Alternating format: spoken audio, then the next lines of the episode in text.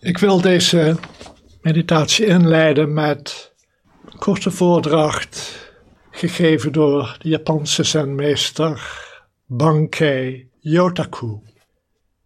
Een 17e eeuwse zenmeester die abt was van een klooster in Japan, maar ook door het land trok en retraites organiseerde. Hij was bijzonder populair en geliefd.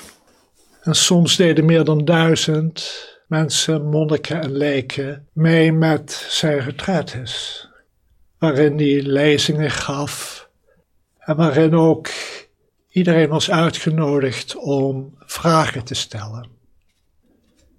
En Bankei zei altijd, wat ik onderwijs, is de ongeboren Boeddha-geest van verlichte wijsheid. Niets meer, niets minder. Iedereen is toegerust met deze Boeddha-geest. Ze weet het alleen niet. De voordracht die ik nu ga voorlezen is gegeven tijdens een van deze grote retraites en opgetekend door een van de aanwezige monniken. En Bankei zei het volgende. Ondanks het feit dat je in deze wereld gekomen bent met alleen maar een ongeboren Boeddha-geest, doet je voorliefde voor jezelf je verlangen dat de dingen gaan zoals jij het graag wilt. Je verliest je goede humeur, bent geneigd tot ruzie maken en dan denk je: ik heb mijn humeur helemaal niet verloren. Die persoon daar luistert niet naar me. Hij heeft mijn humeur verpest door zo onredelijk te zijn. En dus fixeer je strijdlustig op zijn woorden en zet je je kostbare Boeddha-geest om in een vechtende geest. Door je druk te maken over een onbelangrijk iets, waardoor je gedachten maar blijven rondmalen in je geest, krijg je misschien je zin. Maar je verzuimt dan in je onbenulligheid in te zien dat het sowieso niet belangrijk was om je er druk over te maken. Door onwetendheid worden we als een dier. Dus wat je gedaan hebt, is dat je de uitermate belangrijke Boeddha-geest verlaat en je jezelf innerlijk een eerste klas dier maakt. Jullie hier zijn allemaal intelligente mensen. Het is alleen maar jullie onwetendheid over de Boeddha-geest dat ervoor zorgt dat jullie het maar blijven transformeren in een hongerende geest, een vechtende geest of een dierlijke geest.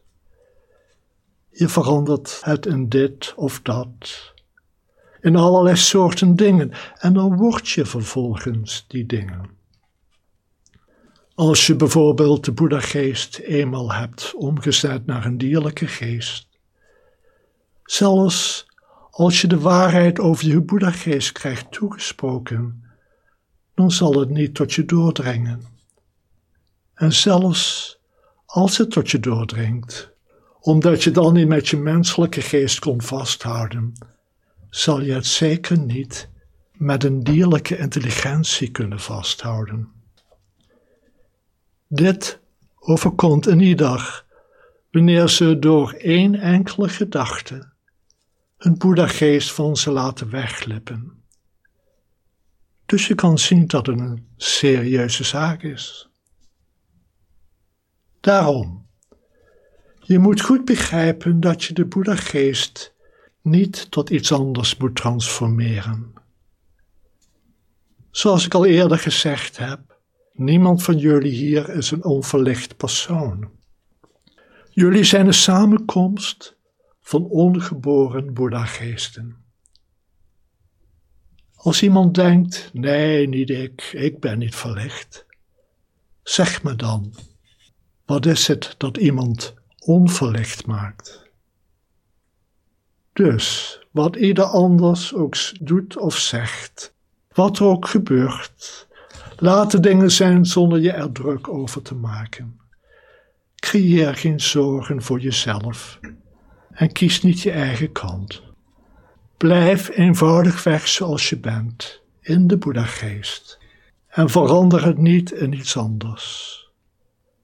Als je dat doet, zullen begoochelingen niet verschijnen en zal je voortdurend in de ongeboren geest leven. Je bent zonder twijfel een levende, ademende Boeddha. Zie je het niet? Je hebt een onschatbare schat bij de hand. Al dus zijn meester Bankai.